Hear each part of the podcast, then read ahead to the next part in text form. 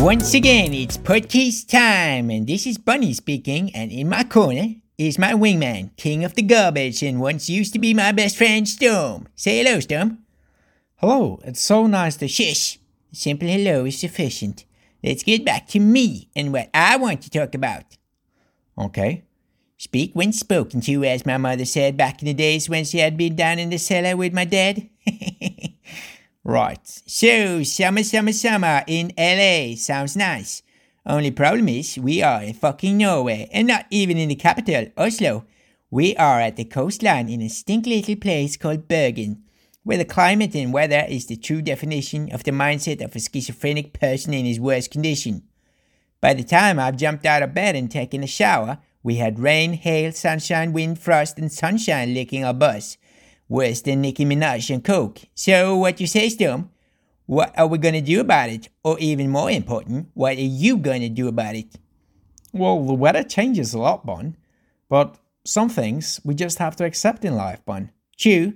As your stupid hair, your sense of humor, and you wandering around at 4 a.m. in the fridge with no underwear looking for roast beef. Doesn't matter what you're looking for, really, because I'm exposed for this true life horror story every single night. Well, what can I say? The question is, what can you wear? Instead of flopping that dick in my face every night. And by the way, why don't you lay some mayonnaise and roast beef on a platter or something close to the bed so you don't need to move? Well, I like it fresh, cold, and sometimes it's just good to be up at night. I get a sense of life itself. Fuck off life itself. Anyways, back to something our listeners are interested in summer and summer life. Why haven't we moved to LA long time since, you know? Money. Come on. You're always yapping about being so creative and you can't get their finance in order. What about dealing drugs? Drugs? Yeah. You got that part time job in a kindergarten. You got the perfect clients. You just have to figure out a way to sugarcoat it, give it the right camouflage camouflage. Yeah, like you could sell heroin camouflage as cotton candy. Call it something else, something new. Cotton, cotton candy for learning. Learning project. They always love this in kindergartens. Make the children learn, learn, learn. Really hard learning the lessons of life. Try Storm's cotton candy. I think you got a winner.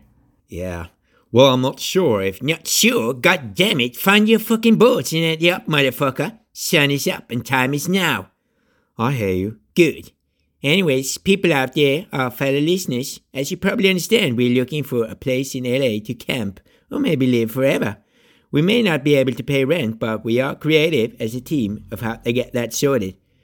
For example, you, Storm, you could go prostitute yourself as a substitute for paying rent. Me? Well, you can go prostitute yourself. Still, my friend. You remember what we talked about broadening the horizon? I've been living the life of a prostitute bunny since the age of dawn. My dick has better things to do. As you see here. What's that? Oh, this. It seems like a message for some random celebrity girl by the name of Avril Lavigne, which begs me to come see her later on today. Is that so? Yeah, it is. Anyways, you live your boring life. I got better things to do, you cunt. to all our listeners, have a super day. And if you feel like donating some money, my number is 343423523452. Feel free to go wild with that visa. you have been listening to Podcast by Bunny, best podcast in the world and on Spotify. Stay tuned and see you later.